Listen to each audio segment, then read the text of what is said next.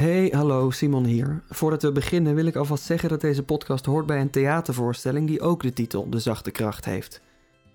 Die voorstelling is te zien van 27 oktober tot 19 december door heel Nederland.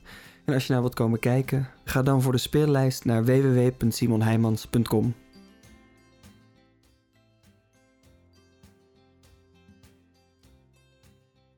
Yes, hallo. Welkom bij De Zachte Kracht, de podcast. In deze podcast kun je luisteren naar de researchgesprekken die ik heb gehad voor de theatervoorstelling met dezelfde titel waar ik je net al over vertelde. De voorstelling en dus ook deze podcast gaan over eenzaamheid en dan nog meer specifiek over eenzaamheid bij jongvolwassenen. Misschien heb je al vaker gehoord over eenzaamheid bij ouderen, maar ook in de groep mensen tot 35 is het een veel voorkomend probleem. Ik begon met dit project omdat ik er steeds meer over las en ik hoorde over de hashtag maatje gezocht die een tijd lang trending is geweest. Met die hashtag lieten jonge mensen weten behoefte te hebben aan contact en deelden ze verhalen over hun eenzaamheid. Het liet zien hoe wijd verspreid het probleem was en daardoor wilde ik juist weten wat daarachter zat. De generatie tot 35 heeft met de komst van de sociale media toch juist alle mogelijkheid om contact te leggen. Of is het juist moeilijker geworden? Komt eenzaamheid meer voor of is het van alle tijden?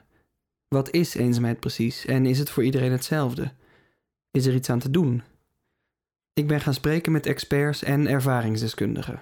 En ze zeiden allemaal: de eerste stap om om te gaan met eenzaamheid is het er zoveel mogelijk over hebben. Maak duidelijk dat we er allemaal wel eens last van hebben, de een meer dan de ander, maar dat het bij het leven hoort en dat het niets is om je voor te schamen. Daarom laat ik je in deze podcast die gesprekken horen. Een eerste stap is om het monster in de bek te kijken voor je ermee aan de slag kunt. Je hoort de gesprekken niet helemaal integraal, maar ik heb er ook niet al te veel in geknipt. De gesprekken waren rijk en ze besloegen van alles. En ik wilde niet dat ik er net iets uitgeknipt zou hebben dat voor mij iets kleins lijkt, maar dat een ander juist zou kunnen helpen. Vandaag laat ik je mijn gesprek horen met Dirk de Wachter. Dirk is psychiater en naast zijn dagelijks werkende praktijk schrijft hij boeken en spreekt zich vaak uit in de media over eenzaamheid en over hoe we zouden kunnen omgaan met ons ongelukkig zijn. Ik open ons gesprek met de vraag of Dirk zelf ook te maken heeft met eenzaamheid. Of ik zelf een eenzame mens ben. Ja. Zoals je hoort heb ik Dirk op Zoom gesproken. Deze podcast is opgenomen in de tijd dat het coronavirus er al was. Nu moet ik heel genuanceerd antwoorden. Ik denk dat de mens, en ik zelf dus ook, geworpen is in de wereld en dus ook veroordeeld tot een onvermijdelijke eenzaamheid. Wat een zware statement om deze podcast te beginnen. Maar zo denk ik, hè. dus de mens wordt geboren in, ja, zonder dat hij dat gevraagd heeft, ineens komt hij daar bloot in de wereld. En, dat is, en dan wordt die, die umbilical cord doorgesneden. En daar, dat is het dan. Daar staan we dan eenzaam. Ja? Uh, dus ik denk dus dat een stukje eenzaamheid eigen is aan het bestaan. En dat is nu allemaal heel dramatisch, maar dus de, de, het enige dat we kunnen doen is liefdevol bestaan.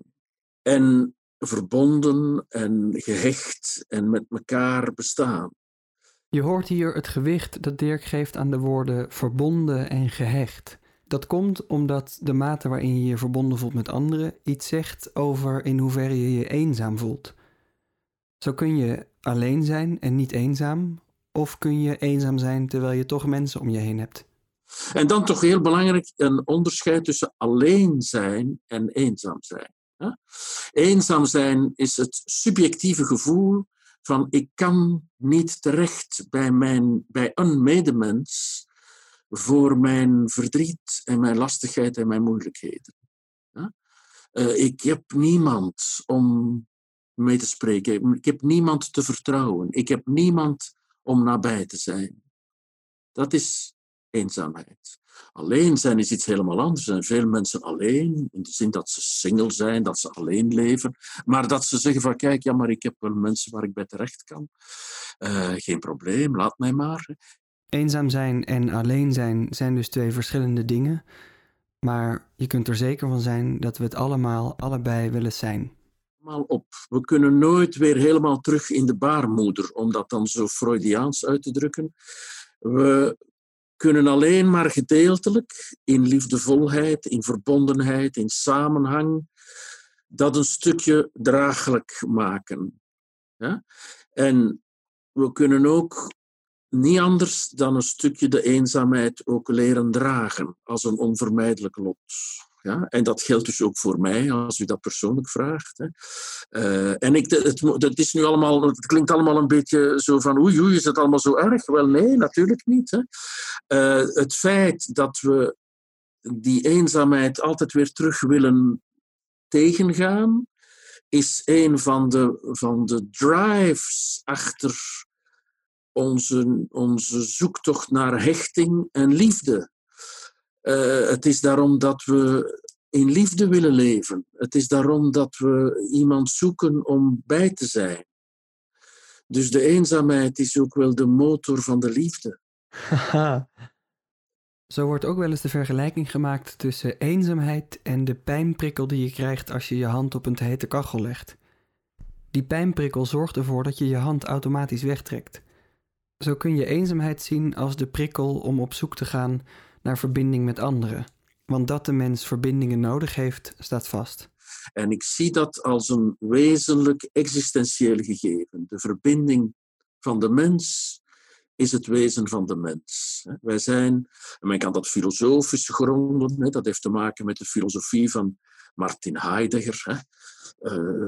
Moet altijd goed nuanceren. Een heel verkeerd, uh, verkeerde filosoof die zich vergist heeft in het nazisme, maar die toch met zijn filosofie veel betekend heeft.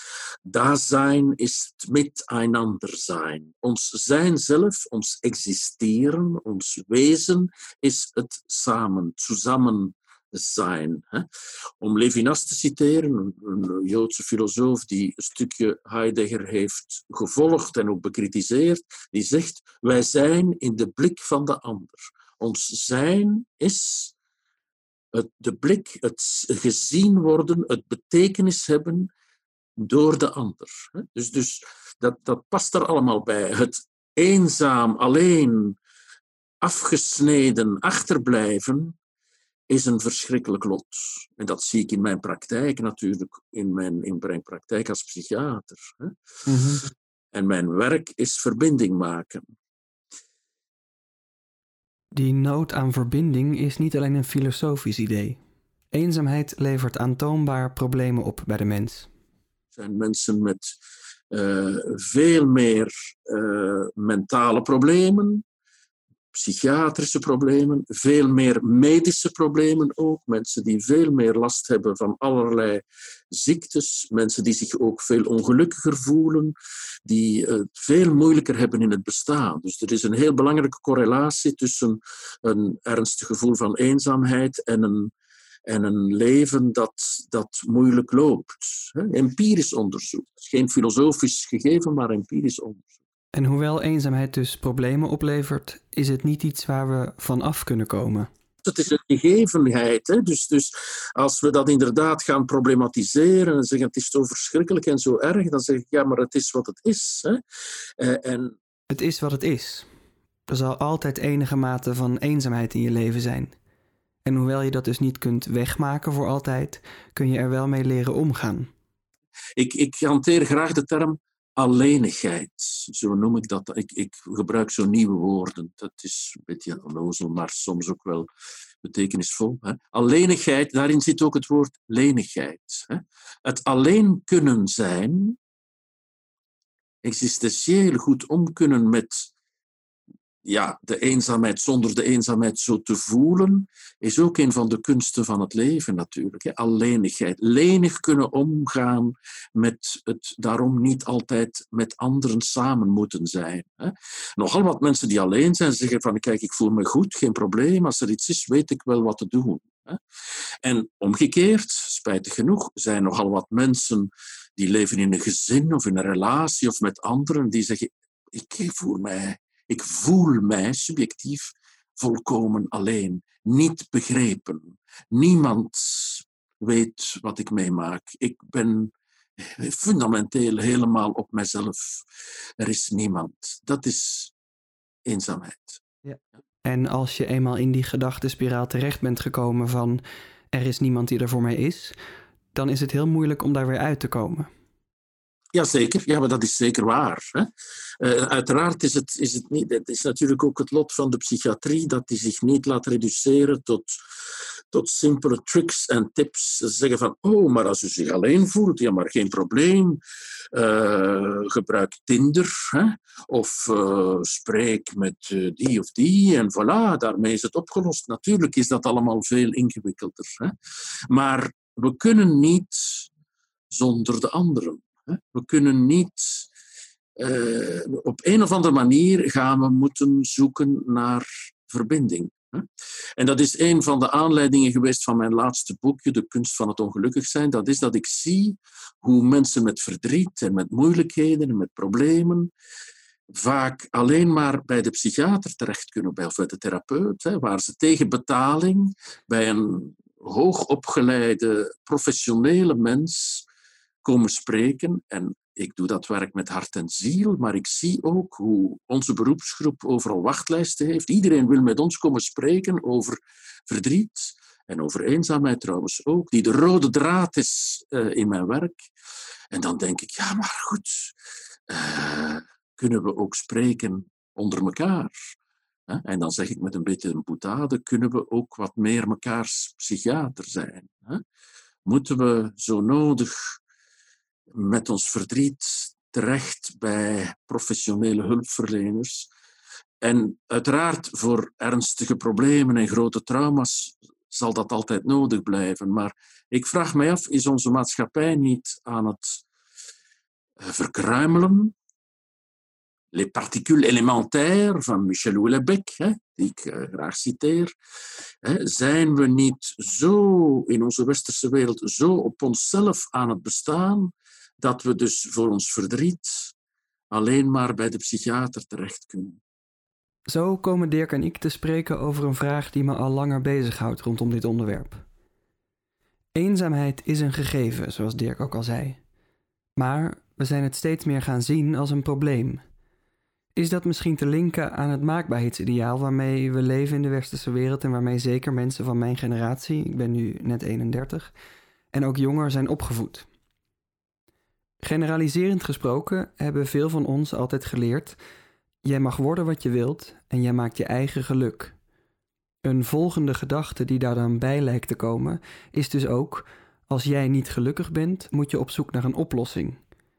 Is het mogelijk dat eenzaamheid op die manier ook een steeds groter probleem is geworden waartegen we moeten vechten, dat we moeten wegmaken en waarin we dan falen als dat niet lijkt te lukken?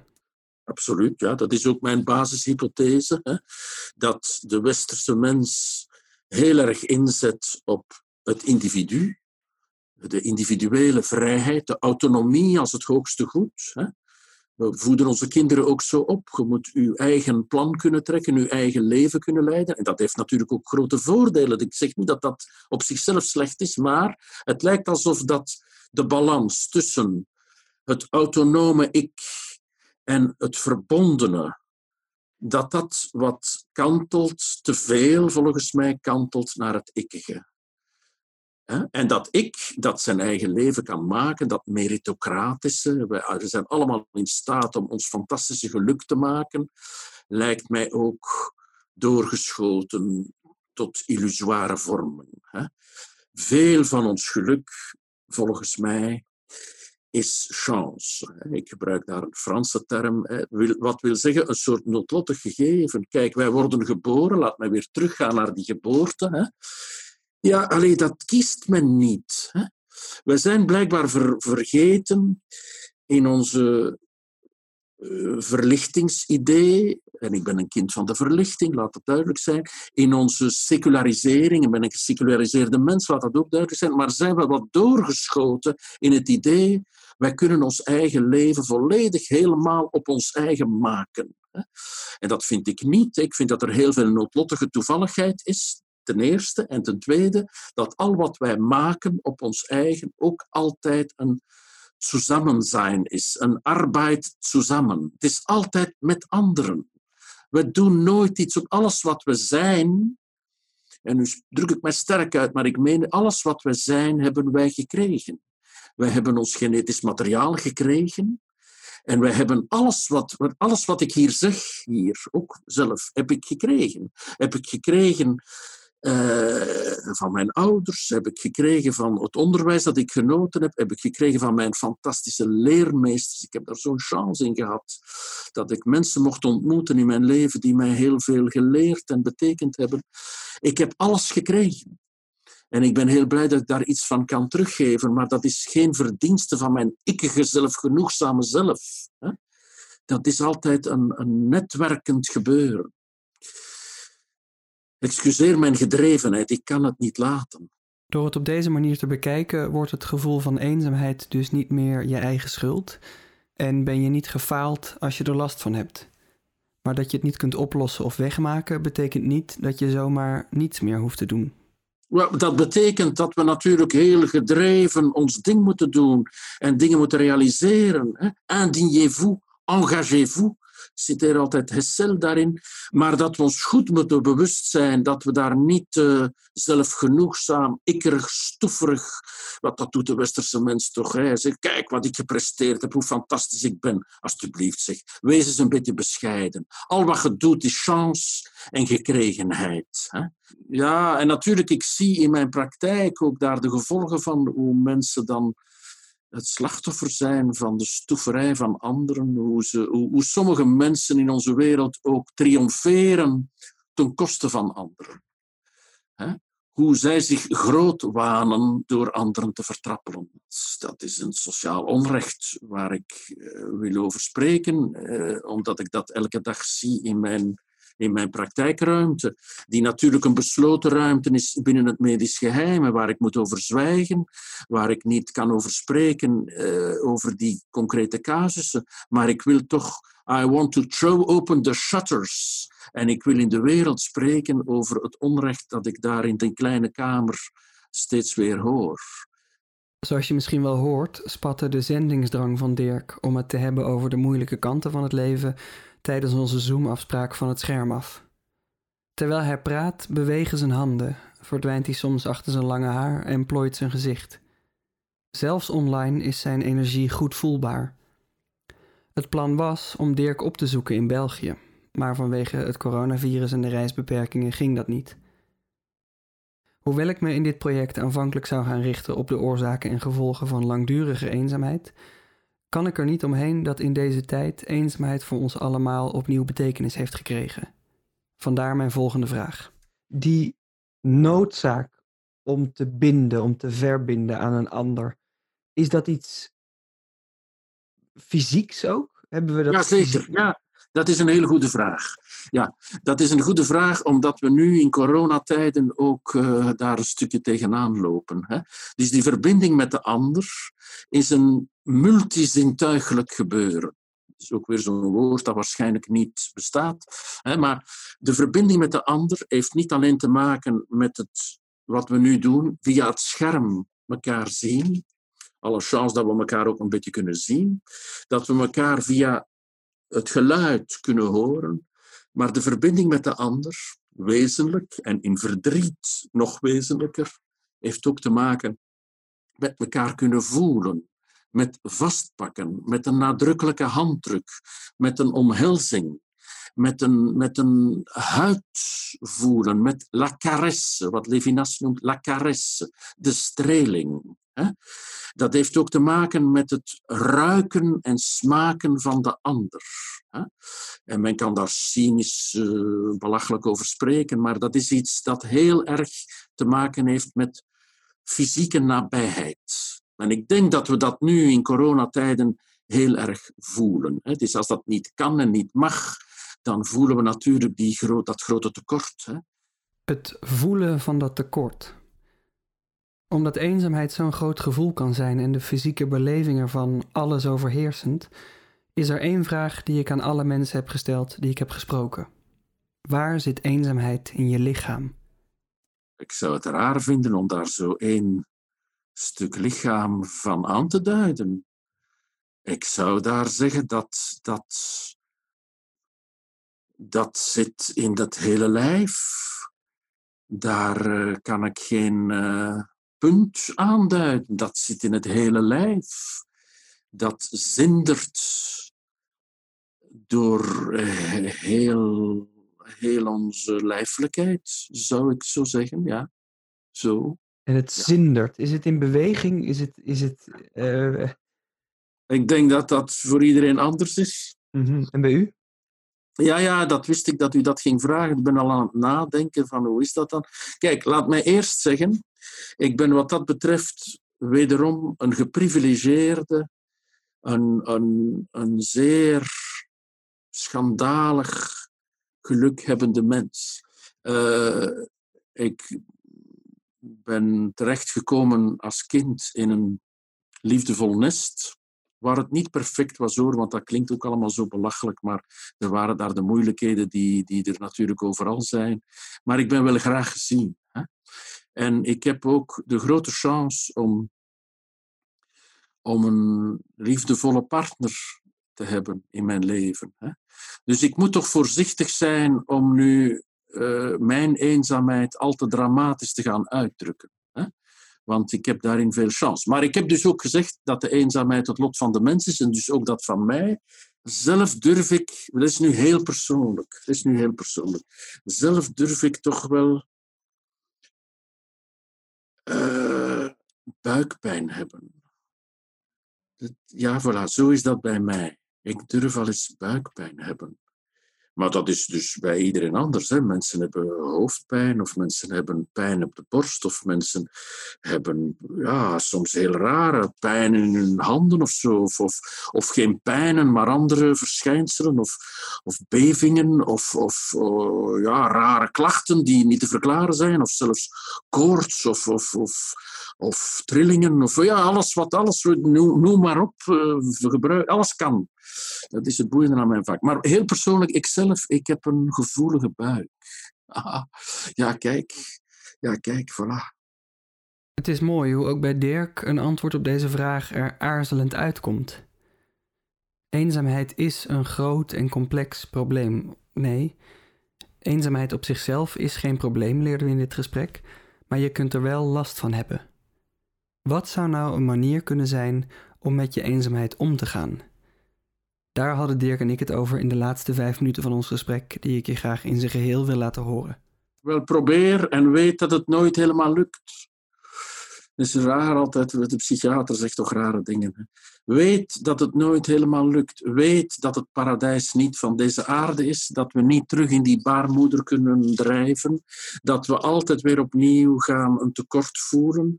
En dat is dan de kunst van het ongelukkig zijn. Hoe kunnen wij met dat tekort leven? Hoe kunnen wij goed beseffen dat het nooit helemaal fantastisch is? Zelfs niet in de liefde, uh, die het schoonste is wat er bestaat, maar dat ook daar de wonderlijke symbiotische paradijselijkheid niet helemaal en altijd bestaat. Dat er momenten zijn, maar dat we altijd weer terugplooien op het tekortige struikelende, lastige, hortende, hakkelende bestaan. En we vallen al eens en dan denken we van het lukt toch niet en dan moeten we, er is geen andere weg. Steeds weer opnieuw op zoek naar een hand die ons aangereikt wordt en die we dan gebruiken om terug recht te krabbelen. Zo is dat. Maar ik denk dat de ongelukkigheid in de vorm van tegenslagen en tekortkomingen en moeilijkheden onvermijdelijk bij het aardse bestaan hoort. Dit kan niet anders. Er is last met uw baas. Er zijn moeilijkheden met uw vrienden. Er is af en toe wat lastigheid met uw geliefde. Er zijn problemen met uw kinderen die niet doen wat u gedroomd had. Ik zeg dan altijd van, als uw kinderen doen wat u gedroomd heeft, dan moet u dringend bij mij op consultatie komen. Het is juist in dat, in, dat, in dat gebied van spanning dat het leven zich afspeelt. En die lastigheden, die onvermijdelijk zijn, die nopen ons tot verbinding met de ander, om daarover te kunnen spreken, om dat samen te kunnen zijn, om ook voorbij het spreken verbinding, verbinding te voelen Verbonding is ook een mooie. Om, om, om te kunnen samen zeggen, ik weet het niet. Om machteloosheid te kunnen dragen. Eh, om, om te kunnen zeggen van, wat is dat toch voor een gedoe? God, dek het toch. Ik weet het niet. Om te kunnen hoopvol wachten.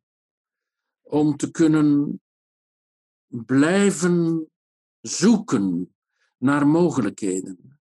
Ook op momenten dat het schijnbaar niet te doen is. Dat is het leven. Het is een, een, een actief wachten. Zeker, ja. Wachten is essentieel. Das Warten ohne Erwartung. Wederom Heidegger. Dat las ik in de Holzwege dat latere werk van Heidegger, waar hij soms onbegrijpelijk mysterieus uh, uithaalt.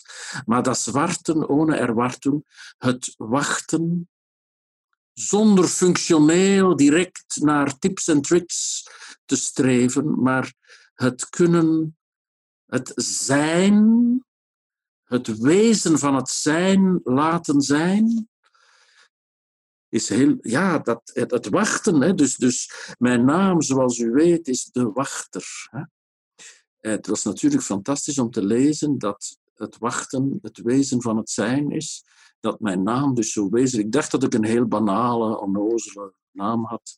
Nu blijkt dat een wezenlijke naam te zijn. Dat was natuurlijk prachtig. Ik heb daar niks mee te maken, want ik heb die naam gewoon gekregen van mijn vader, die hem op zijn beurt van zijn vader gekregen heeft. Dus ik heb geen enkele verdienste aan deze naam, maar het blijkt een wezenlijke naam te zijn. Het is een beetje een grapje dat ik nu natuurlijk zeg, maar het wachten. Ook in de geneeskunde, watchful waiting noemen we dat. Zoals u zegt, een actief wachten. Zeer aandachtig, verbonden, samen, hoopvol, vooruitkijkend, nooit cynisch, nooit, nooit verwerpend. Het kunnen verbonden hoopvol wachten. Dat is het leven. Wachten zijn en dat het liefst in verbinding met de ander. Juist. Goed, daar sluiten we mee af. Dit was mijn gesprek met Dirk de Wachter, een van de researchgesprekken die ik had voor de theatervoorstelling De Zachte Kracht. Ik herhaal graag nog een keer dat je naar die voorstelling kunt komen kijken. Ik hoop echt dat je komt. De voorstelling speelt van 27 oktober tot 19 december 2020 door het hele land. Kijk voor meer informatie daarover op www.simonheimans.com. En tot slot, heb je zelf last van eenzaamheid? Weet dat je terecht kunt bij bijvoorbeeld je huisarts. Of bij een organisatie als Join Us. Zij helpen jongeren om om te gaan met eenzaamheid. Kijk voor meer informatie daarover op join-us.nu.